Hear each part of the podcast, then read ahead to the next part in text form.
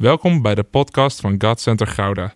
Vanaf deze plek willen we jou inspireren, motiveren en activeren om op een praktische manier je dagelijks leven met God vorm te geven.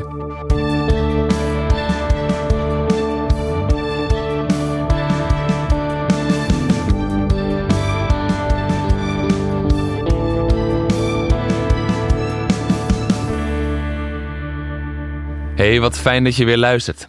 Vandaag wil ik met je verder gaan naar aanleiding van vorige week. Na een uitgebreide serie over krachtig kerk zijn, zijn we de afgelopen podcast gestart met een serie over bouwen aan je identiteit.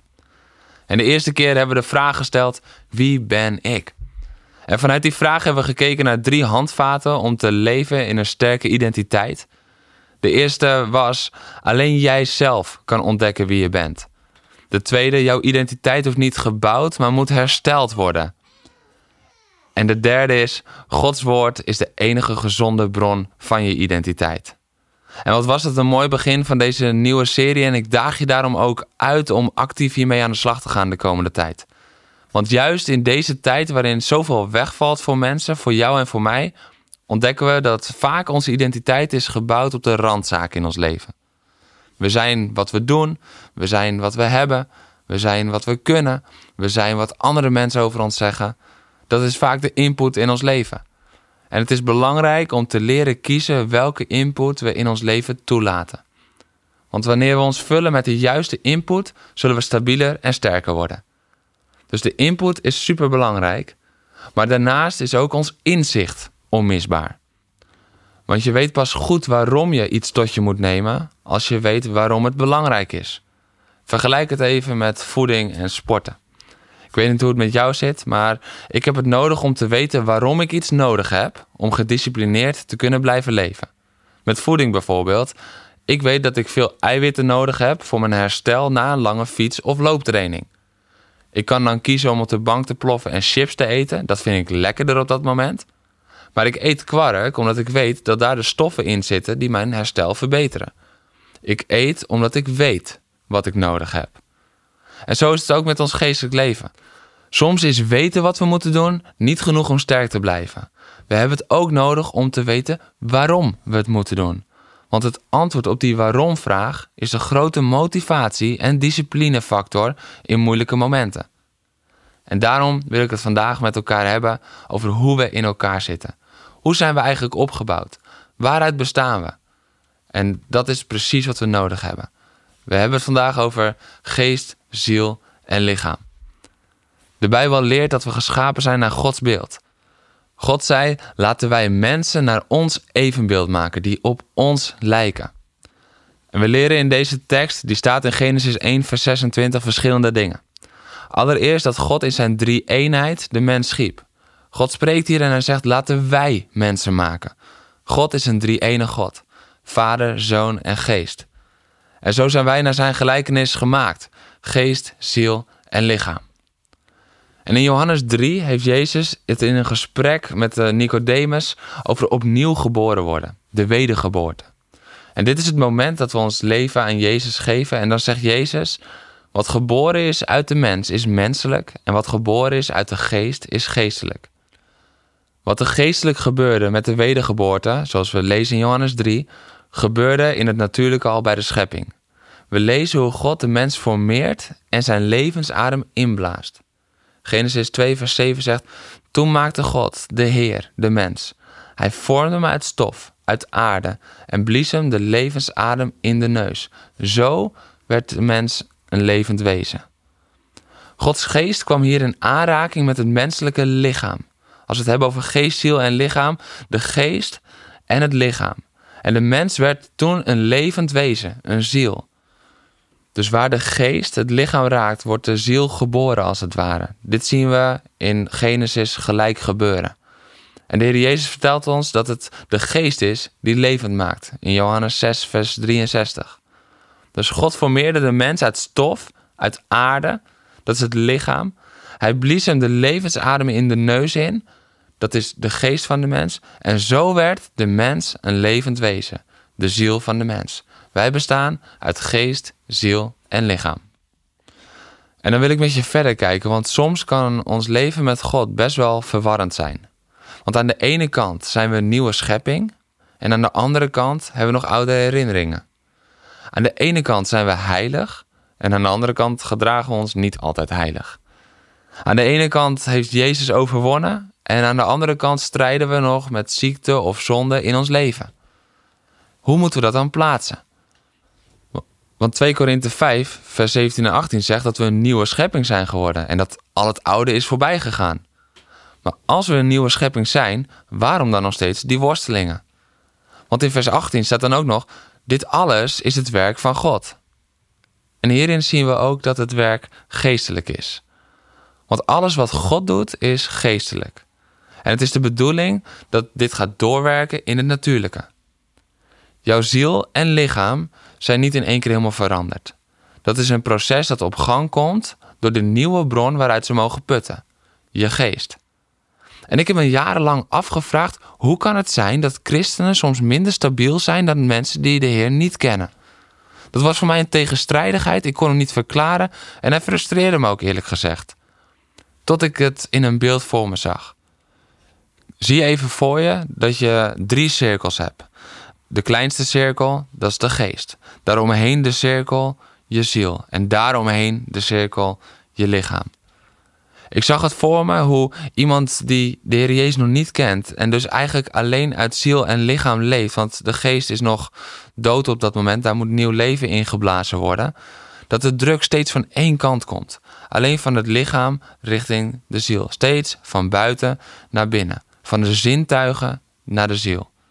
En dat doet soms pijn, soms valt het mee, soms is het intens, maar de druk komt steeds van één kant. En het was alsof de ziel daarmee leerde leven. En vervolgens wat ik zag gebeuren, was het moment dat de geest tot leven kwam. De Heilige Geest kwam erin wonen en vanaf dat moment was het niet langer eenrichtingsverkeer, maar tweerichtingsverkeer in de ziel. Want de woorden van waarheid kwamen van binnenuit en die botsten met de leugens die via het lichaam binnenkwamen. En wanneer het tweerichtingsverkeer is, op een weg die bestemd is voor één richting, krijgen we botsingen. Als er een spookrijder op de snelweg verschijnt, brengt dat gevaar, stress, spanning en mogelijk een botsing met zich mee. En onze ziel is een eenrichtingsweg.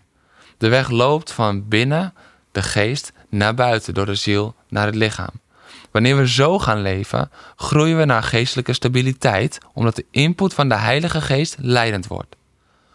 Onze ziel en ons lichaam zullen zich dan gaan vormen en luisteren naar de woorden van waarheid van de Heilige Geest die in onze geest woont. Dit is de hervorming van ons denken, waar Romeinen 12 vers 2 over spreekt. Niet langer het wereldse denken en de wereldse woorden toelaten, maar ons overgeven aan de woorden, de gedachten en de liefde van de Heilige Geest, die in onze geest woning heeft gemaakt. We zijn dus bedoeld om in plaats van in tweerichtingsverkeer in eenrichtingsverkeer te leren leven. En daarom wil ik je nog iets meer inzicht geven in onze ziel, onze geest en ons lichaam apart. En dan beginnen we met onze geest. Want daarin is de Heilige Geest komen wonen, leert het woord. Het grootste doel van onze geest is dat de Heilige Geest die inwoning kan maken.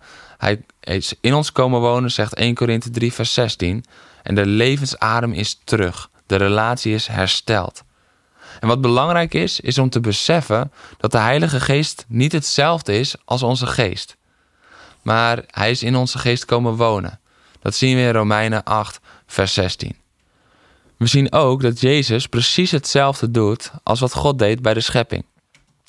In Genesis 2 zien we hoe God zijn levensadem inblies. En ook Jezus doet dit wanneer hij over de discipelen blaast in Johannes 20. Hij blaast over hen en zegt: Ontvang de Heilige Geest. En wanneer doet hij dit? Op het moment dat ze hem voor het eerst ontmoeten als de opgestane Heer. Wanneer jij de opgestane Heer voor het eerst ontmoet, blaast hij over je en ontvang je de Heilige Geest. Je geest komt tot leven, je bent wedergeboren. Daarnaast hebben we ook nog de intuïtie en het geweten. En daar lopen de meningen een beetje over uiteen. De ene zegt dat zit in je geest, de ander zegt dat zit in je ziel. Ik zie het zelf als, als het ware dat het over die grens loopt. Dat het deels in je ziel zit en deels in je geest. Want mensen die Jezus nog niet kennen, die hebben ook een bepaald geweten en ook een bepaalde intuïtie.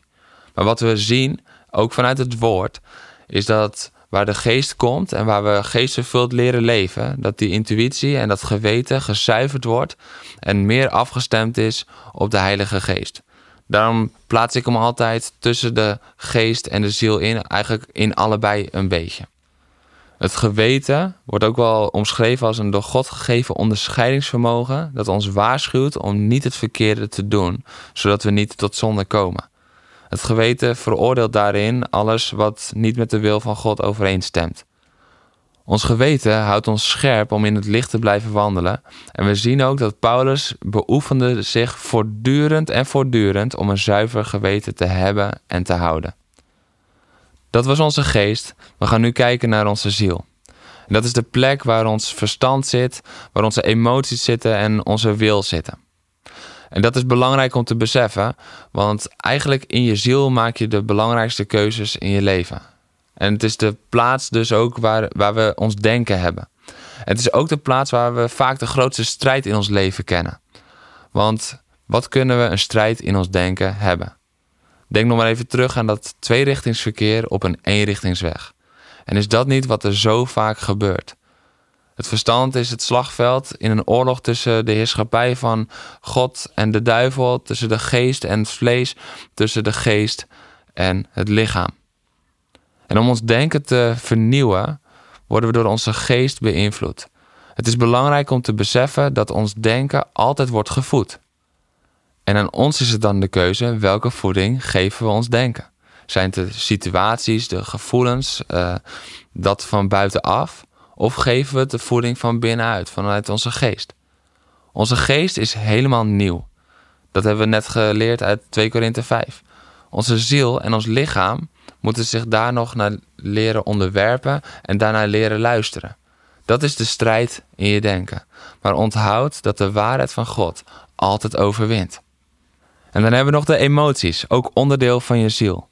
Bij onze emoties moet je denken aan bijvoorbeeld deze gevoelens: blijdschap, opwinding, enthousiasme, verwarring, affectie, medelijden, angst, trots, bitterheid. Het gevoel is vaak heel overheersend aanwezig. En vaak is dat een belangrijke drijfveer in de keuzes die we maken. Maar het lastige van ons gevoel is dat het vaak afhankelijk is van de situatie waarin je verkeert. Dit betekent dat je keuze op verschillende momenten per dag een verschillende keuze zou kunnen zijn. Wanneer je ervaringen uit verschillende dagen uiteenlopen, zou je leven een ongeorganiseerde chaos worden als je iedere keer daarop een keuze baseert. Leven vanuit het gevoel maakt je wankelbaar. Dus onthoud, je bent niet een gevoelige, maar een gelovige. Om door de geest te leven is het beheersen van je emoties belangrijk. En let op, ik zeg hier beheersen van. Hiermee bedoel ik niet dat je je emoties moet wegstoppen, dat je moet wegstoppen wat er wel is, maar dat jij je emoties leert te beheersen in plaats van dat ze jou beheersen. Wanneer je een onstuimig gevoel je richting bepaalt, word je als een schip zonder koers. Een stabiele christen is in staat om zijn gevoel te herkennen, maar ook te overheersen met de waarheid, de zekerheid en de aanwezigheid van de Heilige Geest. Jouw geest mag de voeding zijn waardoor jouw emoties en gevoelens worden gevoed. Wanneer de gevoelens en emoties in balans zijn en we vanuit onze geest gevoed zijn, zijn dat prachtige elementen van onze ziel die weer tot een dieper geestelijk niveau kunnen brengen. Want gevoelens geven ook uitdrukking, expressie aan onze relatie met God, aan onze liefde voor Hem, maar ook in onze liefde voor anderen. Hij verlangt naar onze uitingen van liefde en gevoelens naar Hem. Dus gevoelens en emoties zijn niet verkeerd, maar we moeten ze zelf beheersen in plaats van dat ze ons beheersen. En dan komen we bij de wil, het laatste onderdeel wat ik wil behandelen van de ziel. De wil is de plaats waar je beslissingen neemt. Je kan het zien als het roer van een schip. Het bepaalt de koers en het bepaalt uiteindelijk waarheen je vaart. Alles kan aanwezig zijn om een goede koers te varen: de kaarten, de uitgestippelde route, de bemanning, maar wanneer het roer een andere keuze maakt, gehoorzaamt het hele schip. Daarom is het zo belangrijk om onze wil te voeden met het juiste. Door onze wedergeboorte heeft je wil een nieuwe meester gekregen, je geest. En hij moet volkomen onderworpen zijn aan Gods wil. Dit is ook weer een stuk dat vernieuwing in ons denken. Wij denken zelf vaak te zien hoe we moeten gaan, wat de juiste route is, maar durven we God toe te laten en durven we te zeggen: Heer, ik wil u volgen. U bent een nieuwe kapitein op mijn schip en mijn wil is ondergeschikt aan die van u. En ik vertrouw op de goedheid van uw wil. Dat was de ziel. Enorm belangrijk dus om te zien hoe dat bestaat uit onze wil, onze emoties, ons verstand. En dat is dus de plek waar we keuzes maken. Ontzettend belangrijk. Het laatste deel waar we naar willen kijken is ons lichaam. En dit is de ingang eigenlijk voor alles wat er in de ziel binnenkwam totdat je wedergeboren was. Via onze zintuigen kunnen we alle indrukken, lusten, gedachten, verlangens binnenlaten. Onze ziel was niet in staat om zich hiertegen te wapenen, omdat het geen andere voedingsbron kende. Maar nu is het lichaam niet meer bedoeld als enige ingang. Het lichaam is nu bedoeld om zich te onderwerpen aan je geest en aan je ziel, zodat het lichaam een tempel is voor de Heer en in dienst staat van de geest. Zoals al het natuurlijke in dienst staat van het geestelijke. Het lichaam is niet nutteloos geworden. Het is ons middel om het geestelijke in de natuurlijke wereld te brengen. En als we zo geest, ziel en lichaam hebben uitgewerkt, is het zo belangrijk om te beseffen: we mogen van binnen naar buiten leren leven. Voordat we Jezus leren kennen, leefden we van buiten naar binnen. Het lichaam was als het ware het filter waardoor alles binnenkwam en bepaalde onze emoties, onze gedachten, onze wil. Maar nu zijn we bedoeld om van binnen naar buiten te leven. De geestelijke waarheid en de relaties en de basis van de voeding die we krijgen. Dat mag doorcijpelen naar onze ziel. En zo kan onze hele levenswandel ook gewoon in het natuurlijke, gewoon in het praktische, zich vormen naar de voeding vanuit de geest.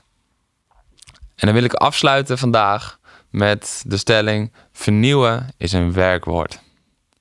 In Romeinen 12, vers 2 lezen we dat we onszelf niet moeten aanpassen aan deze wereld, maar veranderen door uw gezindheid te vernieuwen, om zo te ontdekken wat God van u wil en wat goed volmaakt en hem welgevallig is.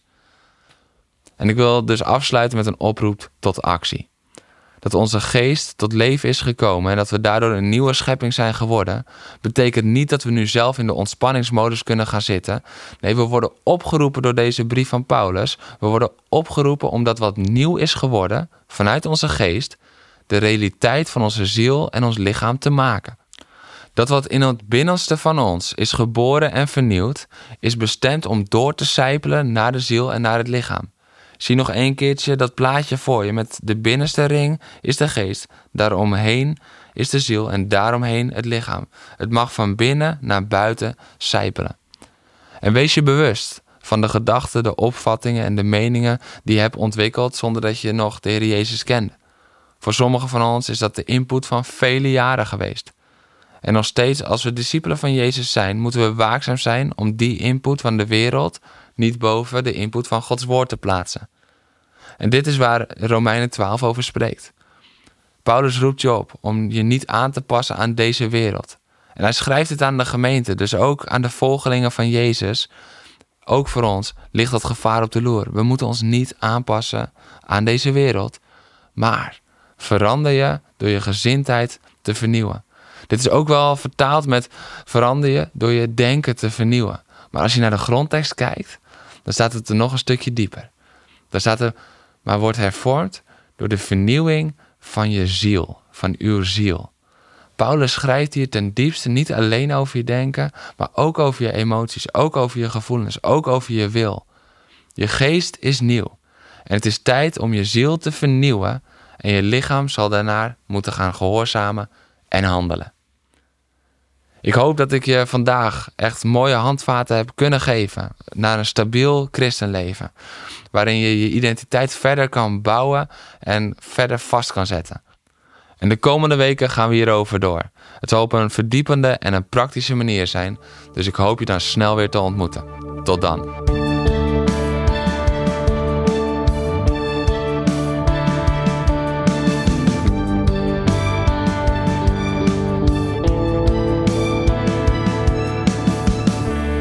Bedankt voor het luisteren naar deze podcast. Volg ons op onze kanalen om verbonden te blijven. Heeft deze aflevering jou geraakt? Deel dan op je socials en tag ons, zodat we samen meer mensen kunnen bereiken.